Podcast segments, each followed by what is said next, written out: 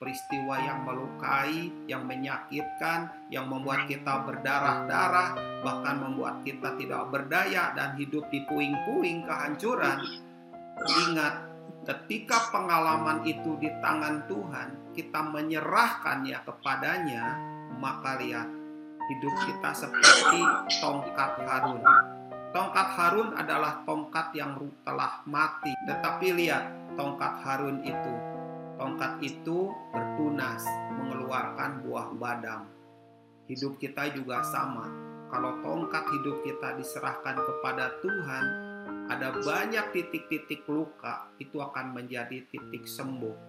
Dan ketika titik sembuh itu dibawa lagi kepada Tuhan, maka titik sembuh itu akan mengeluarkan pengurapan.